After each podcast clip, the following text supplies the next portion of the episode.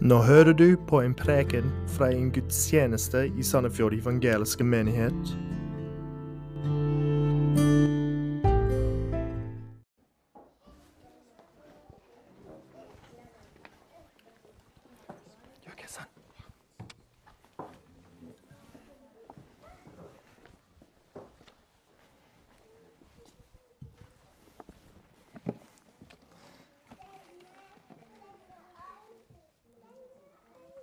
Think of a society that has zero Christian influence.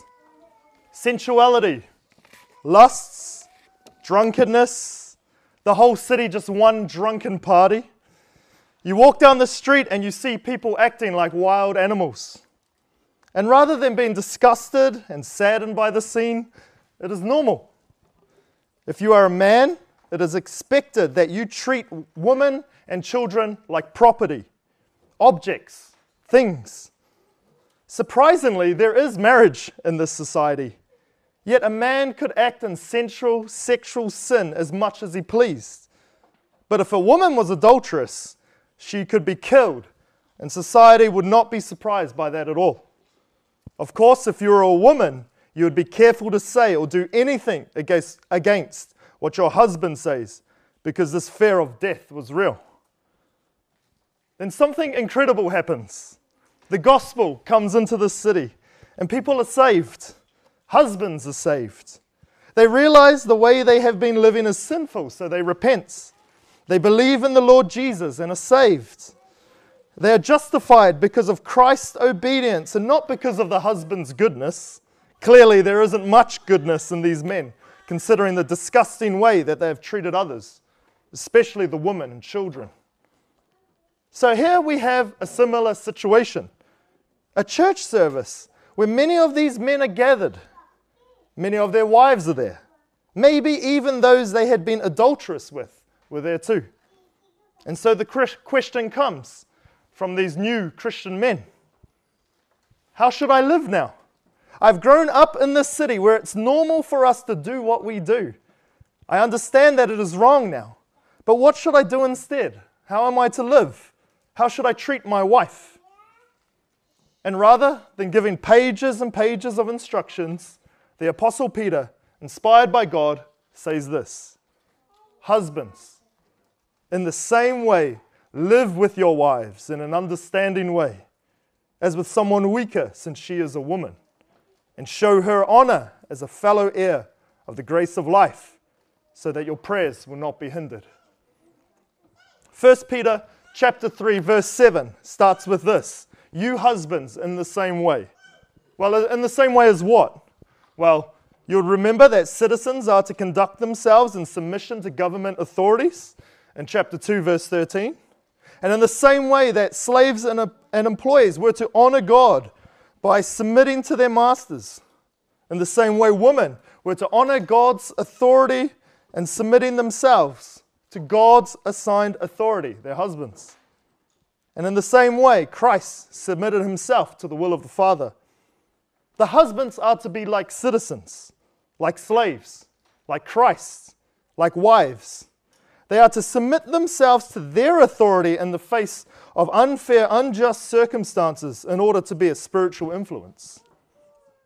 Husbands are to stand out to the world, to be a living testimony of who God is and what the gospel does. You remember Pastor Bob's umbrella analogy from last week. As a woman's head is man, so in the same way, man is to submit, submit himself to Christ for his good and for the good of his marriage.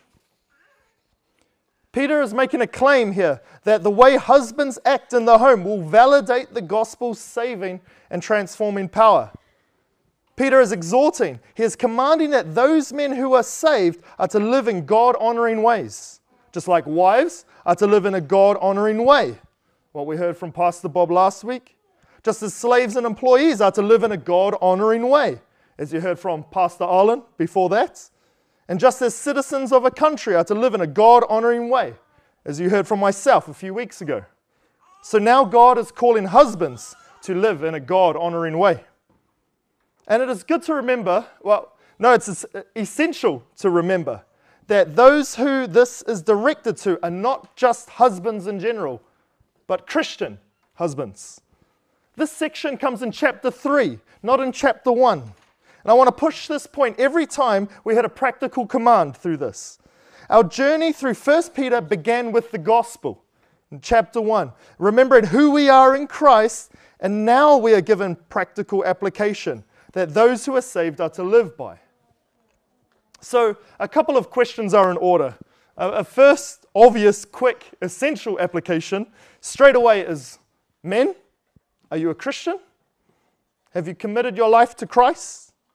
Have you turned from your sin and understand that you are not saved by doing what is asked of you in verse 7, but you are saved by grace through faith, which is a gift, so that no one can boast?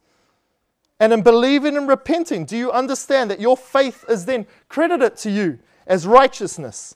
And the Father no longer sees your sin, but He looks to you and sees the perfect life of Christ because He shed His blood for you.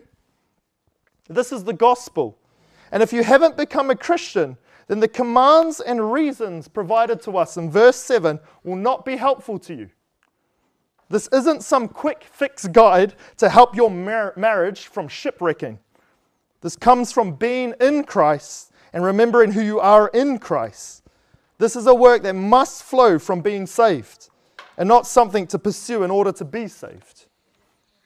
So if you're not saved, I ask you to, to ask the Lord for forgiveness of your sins and trust in Him as your Lord and Savior. This is important for your marriage and is extremely important for your eternity. So that's the first and most important question to ask Are you saved?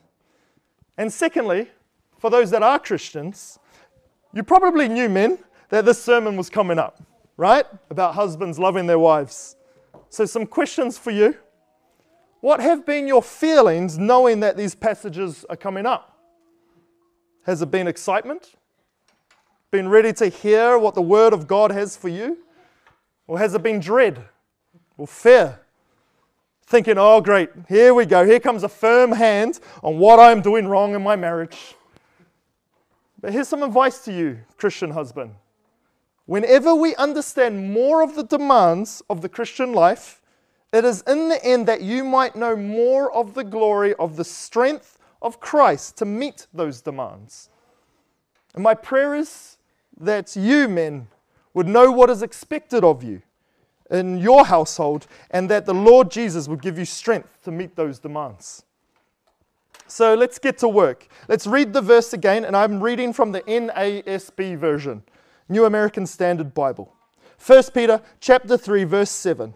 It says, "You husbands, in the same way live with your wives in an understanding way, as with someone weaker since she is a woman, and show her honor as a fellow heir of the grace of life, so that your prayers will not be hindered." All right, quick grammar lesson, right? Everyone loves grammar, right? Uh, there are two directives in this passage, meaning that there are two authoritative commands by the Lord to you, husbands, that you need to be aware of. And after each of these commands is a reason given. A foundational reason is given that will help you know why that command is important. This foundational reason for each of the command, each of these commands will give you strength to do the command. And uh, you can see those reasons in the NASB version in what's called as clauses. So that's parts of the sentence that start with the word as. Uh, in Norwegian, one starts with som, and the other one starts with for. And these words should make you think, ah, maybe there's a, a reason coming up, or a motivation I need to be aware of, a motivation that will help me to follow the command. There is then at the end of this verse an overarching motivation over both the commands and the reasons. Confusing? well, this is very important. So let me unpack it a bit more for you as you look at the verse, because this will give us our five parts of this sermon. So the first command or duty is at the start at verse 7. It says, You husbands, in the same way, live with your wives in an understanding way. That's the command. Live with her in an understanding way. This husbands, you must do. And why? What is the foundational reason? That comes after that. As, so this is the as clause. In Norwegian, it probably says som. As with someone weaker, since she is a woman. So, command one, live with her in an understanding way. And the reason is because she is weaker, since she is a woman. And so now, then the second command comes after that in verse 7. It says, and show her honor. That's the second command in this verse. Show her honor. And why? What is the foundational reason for this? Comes after that. As a fellow heir of the grace of life. Command, show her honor. The reason, because she is a fellow heir of the grace of life. And then at the very end, there's an overarching motivation for both the commands and the reasons. And that is at the very end, it says, so that your prayers would not be hindered. So that's how we'll break up the sermon today. Command one, reason for the command one. Command two, reason for the command two. And then the overall motivation. All right, following? Okay? All right, good. So, command one, to live with your wives in an understanding way. So, the word live means dwell with, be with. In other words, it should be obvious that you're married right? Your life should be lived as one that is together. And I'm not saying you need to do absolutely everything together, but it does need to be clear that your lives are one that represents unity.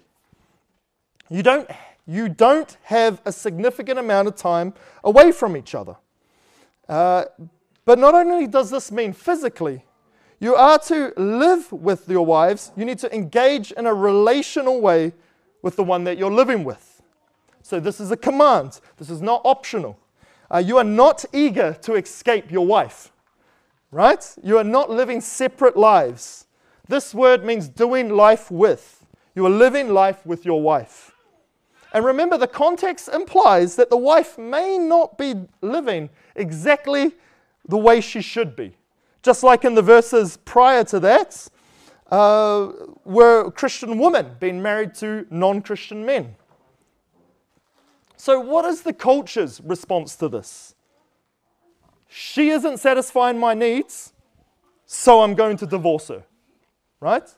Peter, eh, but Peter says, you live with her. You commit yourself relationally to her.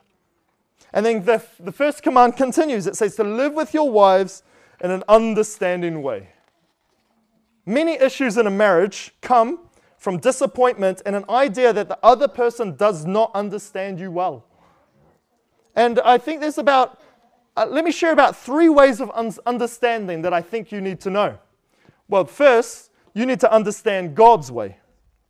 So, understanding in this passage can be translated to knowledge.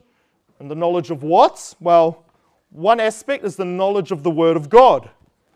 Men, you need to have a clear understanding that the way you treat your wife matters to God. That means, men, that your marriage, first and foremost, is not about your satisfaction. It is about God's reputation, and, it's, and it is about your neighbor's salvation. You'll remember from chapter 2, verse 11 and 12, um, saying, Keep your behavior excellent among the Gentiles. So, in the thing in which they slander you as evildoers, they may, because of your good deeds, as they observe them, glorify God in the day of visitation. That your good works are on display to a watching world. And, and so the way you speak and act in your household has gospel implications for those around you. And we'll talk about this more soon. So, first, you need to understand the Bible and what it says about marriage. One theologian says it like this People can judge the excellence of your Christian faith by the way your marriage looks. Or, in other words, one can judge the way your Christian faith is working or not working by looking at your marriage. You need to know what God expects, and this needs to be more important to you than your own life, your own pleasures, and your own preferences. And to know what God expects, men, you need to know the Word of God. You must know it, you must love it, and understand it. And you must prioritize it. And you must live it. Understanding God's way is shown in His Word. The second, second understanding that I think we need to know is that you men need to understand your, your specific wife's way. You must know your wife. You must study her. When we are dating, you might remember when you're first dating, right? Looking at your maybe potentially future wife. And she's such a fascinating woman. You, you studied her like you had an exam coming up. You wanted to learn about her, things she liked, things she disliked. But once we get older, we get slack in our studies. We go from studying our wives like we're going to get our PhD to winging the tests that we didn't study for. Do you know your wife? Is she flowers or chocolate? Is she wake up early or stay up late? Is she sunrise or sunset? Is she winter or summer? Is she beach or forests? Is she boots or high heels? Jeans or dresses? Country or city? Restaurant or fast food? Time or jewelry? That wasn't a trick question from last week, by the way. Uh, paper books or audio books? Friendly jokes or a serious tone? Traveling or staying home? Decide in the moment or needs time to process? One on one time or big groups? Time alone or time with others? And when trouble comes, is she fight or is she flight? Husbands, know your wives. She is a specific gift from God to you and part- partnering with you to fulfill the purposes of God. Genesis 2 says that it's not good for a man to be alone. So he makes a helper for him. To help with what? For the mission that God has made for that man to fulfill for God's glory. And do you know what a helper is? Someone who makes up for that which is lacking. And so you need her. And you must know her and you must understand her. And the third um, sense of understanding that you need to know is that you need to understand women in general. I know, tough thing to do, right? I know, I understand.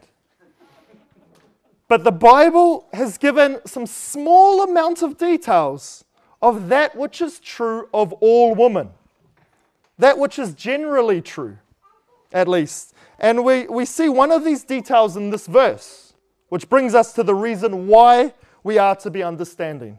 So the first command is to live with her and be understanding. And what's the reason given for why a husband is to be understanding? Let's continue in verse 7. Live with your wives in an understanding way as with someone weaker, since she is a woman. This is going to go against everything our culture has to say. And it cannot be taken further than its intended purposes. Otherwise, this will result in abuse and hurt for our wives. So, how is she weaker? Well, first, let me clarify what it does not mean. That will help us as we continue. So, first, as we scan the Bible or when we look at God, what God has shown us in His creation, there is nothing that says that a woman is weaker intellectually. General revelation makes that clear, at least in my marriage. This is obvious. Look in the classroom at, sc- at any school, at any year level, and you will not find males above females intellectually as a, as a general rule. I remember Pastor Arlen uh, telling me that when he was at seminary in California, some of the men's wives would come in on some of the courses. And it was actually one of the wives sitting in the class who got the best results in Greek or Hebrew in the papers.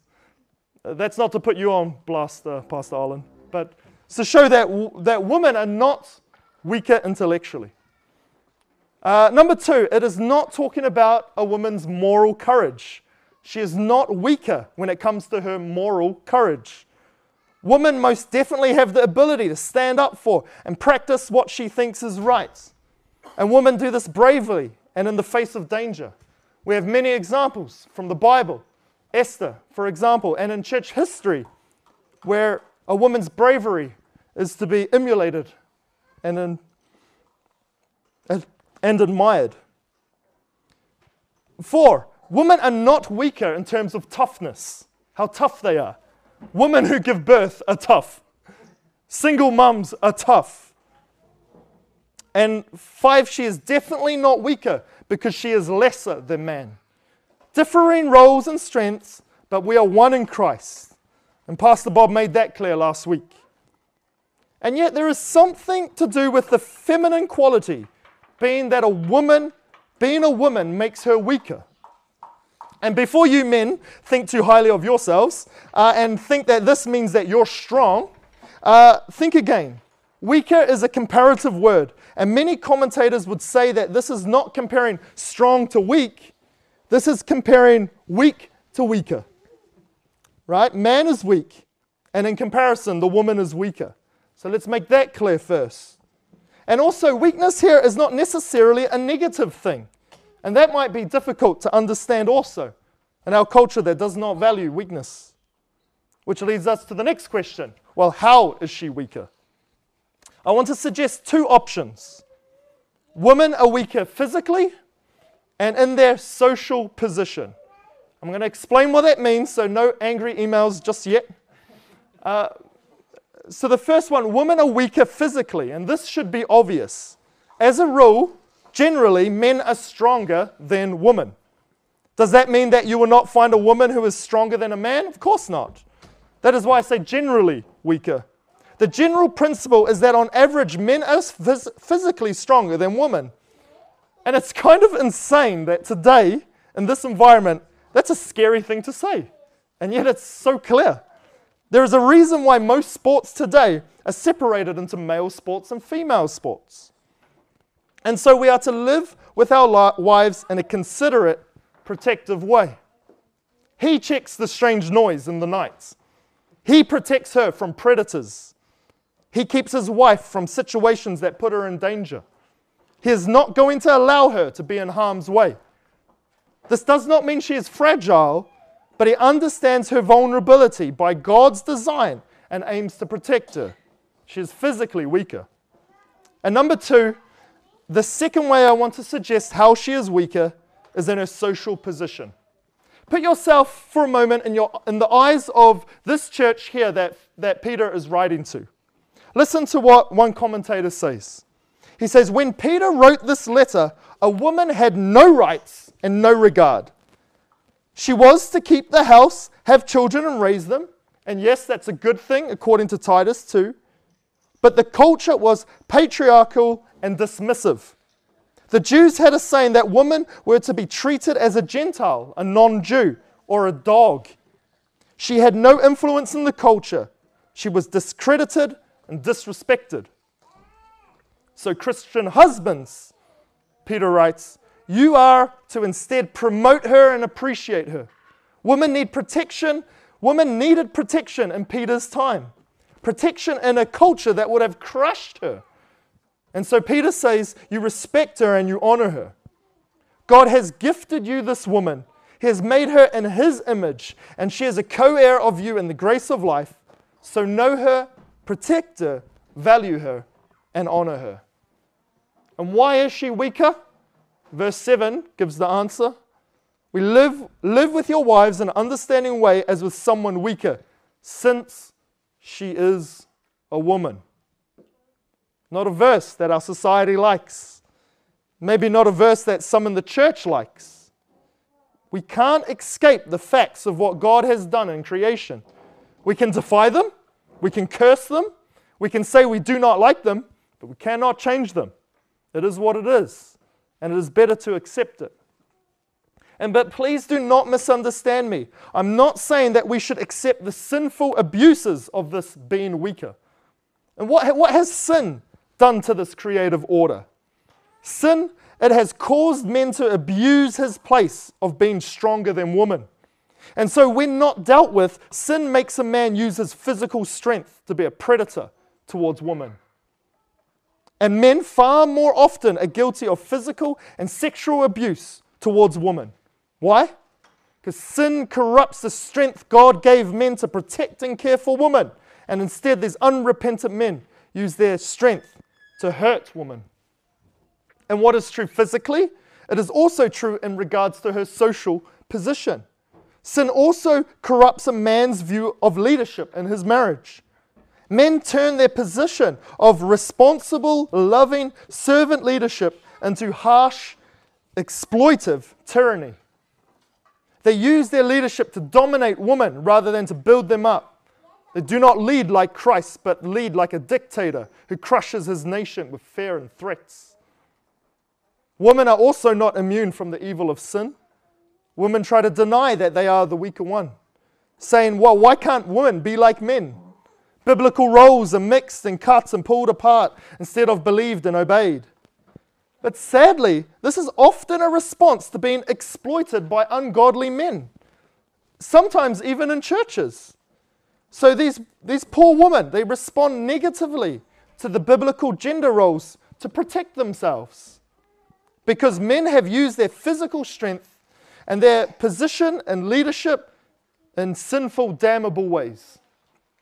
Kevin DeYoung writes this Almost every pastor will tell you that the women in his church are more spiritually minded, more interested in reading their Bibles, more eager to grow in their faith, and more open to serving in the church. No doubt, many times where women have ventured into areas of teaching and authority that are reserved to men, they did not do so solely out of a rebellious heart, but because men have already given up their God given mandate to spiritually lead, protect, and provide. It is all too common for the reversal of the garden to play out in churches. Yes, women bear responsibility in that reversal of roles, but as we saw with Adam, God holds men ultimately responsible. And he continues, he says, I'm convinced that in most cases, if men behave and lead as godly, humble, self sacrificing biblical men, then women would happily live and flourish in the responsibilities God has designed for them. So, guys, let's not make the heartbeat of our message women sit down when it should be men stand up. The Bible is clear the husband is to lead and protect, and the wife is to submit and to help, all to the Lord's joy and for his glory. So, men, what do you say to all this? Are you living your life with your wife? Are you considerate of her? Are you sensitive towards your wife's deepest physical and emotional needs?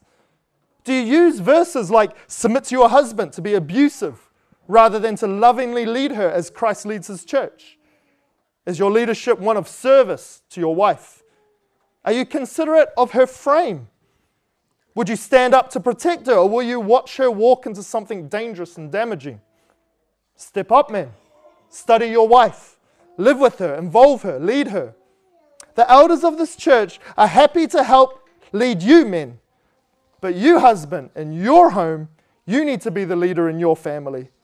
And that begins with understanding God's word living God's word, understanding your wife, and living with your life, wife as a partner in this life. So that was the first command and the reason for this command. Live with your wives in an understanding way. The reason is someone weaker, since she is a woman. Let's go to the uh, command number two and the reason for the command. Continues in verse 7. It says, And show her honor. That's the second command. As, here comes the reason, as a fellow heir of the grace of life. So, first, show her honor. This means bestow value and worth upon. It is to assign someone worth, to give them what is properly due them according to their position, paying respect and recognition of who they are, to think highly of, to respect greatly. The husband is to actively choose daily to display ongoing, everyday honor to his wife who is a fellow heir of the grace of life. He treats her according to her extremely high value because of who she is, not because of what she does, but because of who she is. This is talking about intrinsic worth. You continue to have intrinsic worth, uh, intrinsic value throughout your life, even if you've done nothing. She is made in the image of the living God, and so she should be honored. On Wednesday, at the Old Testament Bible study, uh, Pastor Arlen gave us a great definition of what it means to be made in the image of God. It says it's one who reflects God and one who represents God. That is who she is, and you treat her as that. The command is that you are to show her honor, and the reason, the foundation for this command comes after. So, why do we honor her? Verse 7 because she is a fellow heir of the grace of life. Fellow Fellow means someone like you, similar, enjoying the same kind of life position. It's pretty amazing that in the same verse, it talks about how a woman is different by being weaker, and then quickly also says that she is also like you. The Lord is so gracious that He would quickly silence those who would hold on to the weaker word unfairly by saying that men must show her honor because she is like you. She is as you are. Women are different from men, yes, different roles, responsibilities, and capacities, but she enjoys a similar position as man and being made in the image of God. She's not inferior to her husband, she's not less than her husband. She's made to bring glory to God, to reflect or be a mirror image of God, to represent God, and to partner with her husband in order to do the work of God. She is equal, fellow heir, just like you, husband. And this verse continues to say, fellow heir of the grace of life. It's probably easy to jump to thinking this means fellow heir of salvation. And Peter could be meaning this in a spiritual sense that if a Christian man is married to a Christian woman, then you are fellow heirs in eternal life. You are both dead in your sins. You're both saved by grace. You both have not earned salvation. You're both fellow heirs in Christ. So respect her as a child of God, as a sister in Christ. And many other places in the Bible talk about how we are fellow heirs in Christ with other Christians. But it could also be in reference to our life here on earth, natural life. And this is probably more likely, especially if one is married to a non Christian. She is to be valued and honored not because she is a Christian, but because she exists and is married to you. This verse could then be read and show her honor as a fellow heir of the grace that is life. You are to respect her because she is made in the image of God, just as all women, and so value her greatly than what the society values her. Honor her. Genesis 2 says that God made men of dirt, uh, man of dirt, and every animal in, on land and in the sky from dirt. But in Genesis chapter 2, verse 22, says that the Lord fashioned the first woman from Adam, from him and for him. In Norwegian, og Gud har en bygde av det rubbe han hadde tatt av mannen, en kvinne, og fødte henne til mannen. The Lord custom made her as a work of art, and God brought her to him. So, men, your, the Lord made your wife uniquely.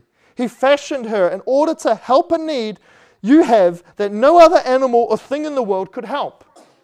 And we give her our name because we recognize who she is, an equal sharing in this grace gift we call life.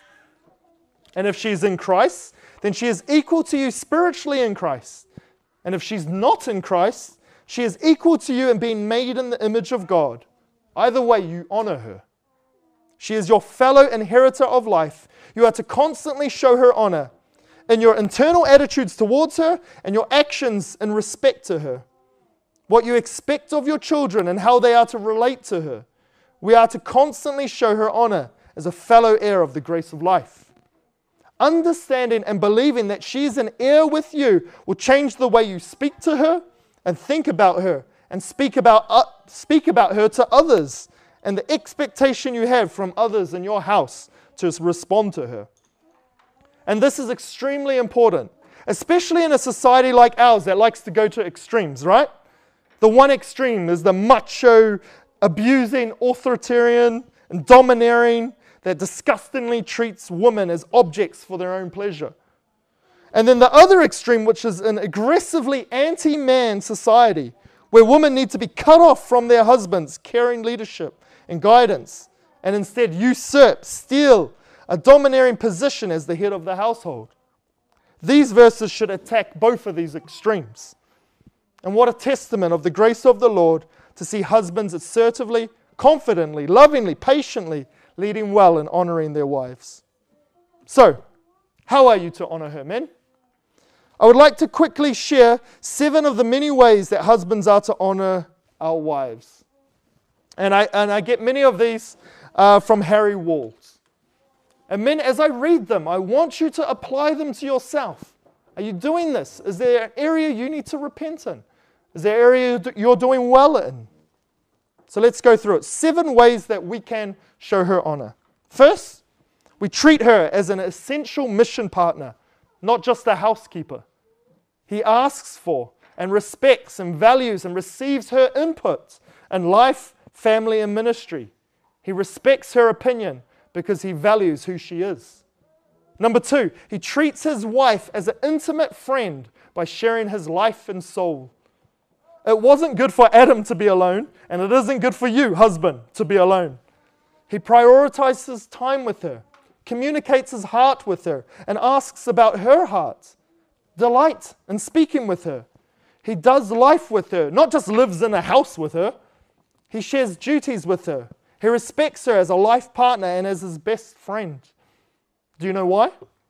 He sees her how God sees her as an intimate companion, a practical partner. Grant her honor because of who she is in God's eyes. Number three, how do we honor our wives? A gospel honoring husband partners with his wife in shared family responsibilities in the home. One thing that COVID and isolation time has done, it has changed some of the realities of the normal rhythm of life in the home. And it has challenged husbands to step up at home and sharing the workload in the home. And one of the things a godly husband does is that he understands his shared responsibilities in the home, especially in the raising of children who he hopes would follow God. Your children need you, men. Be engaged at home. Share the joys of the home and share in the labors of the home. I believe this generation is probably more involved than any other in the raising of their children, in the family, in the household, in the sharing of duties. And it should be. Honoring husbands should be involved in the family responsibilities. Number four, how are you to show her honor, men? He affirms his wife's rarity and her beauty. Uh, if you understand who she is, custom made, having abilities and passions provided by God, a godly husband affirms that rarity and affirms the beauty of his specific wife. Speak well of her with others. Don't tear her down when you talk to colleagues at work. Number five, how does he honor her? He promotes her strengths and protects her weaknesses. He promotes her strengths and protects her weaknesses. He doesn't expose her. Uh, number six, how do we honor our wives? We res- he respects his wife spiritually and recognizes her before God with equality as a sister in Christ. He does not regard himself better than her or more important than her. They're fellow heirs of life and eternal life. And number seven, there's probably many, many more, but he acknowledges and values her spiritual giftedness. If she is a Christian, and promotes and supports her necessary and essential contribution to the body of Christ.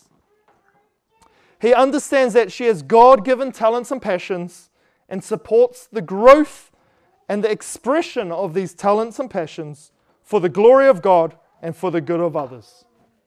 So, men, how are you going with this?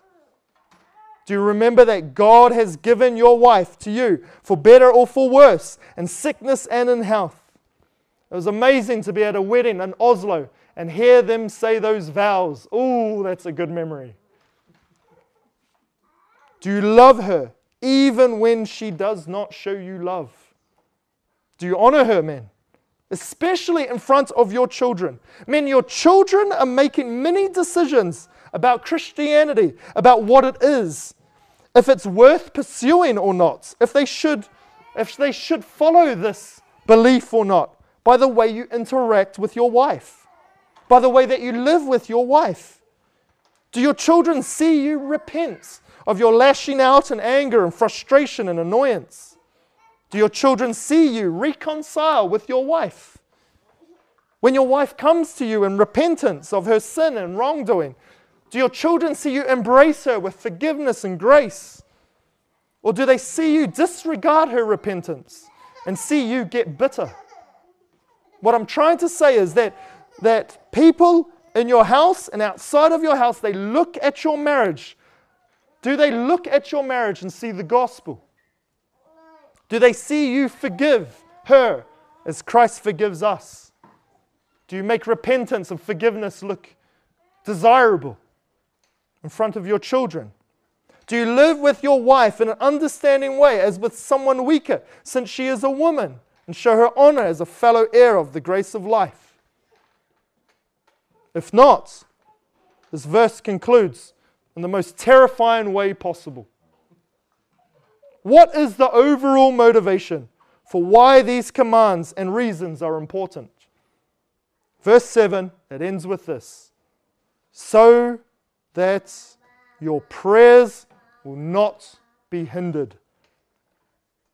Hinder, to be blocked, prevented, cut off, not able to achieve the destination or the desired goal. You submit to the purposes of God in your home, you treat her well, or your prayers will be blocked. How do you feel about these words, men? Does that give you any fear in your bones? That there's a clear way you can live that will block your prayers? Psalm 66, verse 18 says, If I regard wickedness in my heart, the Lord will not hear. What you want from God, you can't get from God because of how you are treating that special woman in your life, created by God for the glory of God. Peter says, Do not let your prayers be hindered. Treat her as she should be treated. I can't help but think that we all may have some repenting to do, ways in which we can be better. I'm thankful the Lord hears our repented cries for help. He forgives us and gives us strength to live as we should. And in the same way, wives submit, trusting in God for her husband. The husband loves and honors his wife, trusting God with his wife. God help us. Let us pray. Oh, Father, we're so thankful for your word. Give us the strength we need to follow this, Lord. Help us, men, to love our wives, to come to them with repentance where we need repentance, to come to you with repentance. Thank you that you forgive us, you cleanse us. Help us to forgive our wives, to love them, to honor them. So thankful for the men in this church. Help them to lead well. So thankful for the women in this church. Oh Lord, please, please let them seek you, feel loved, be loved here in our church. I think of my own wife who's home now with sick children. I'm so thankful for her. Give us thankfulness for the woman in our lives. We need your grace, O Lord. In Jesus' name, amen.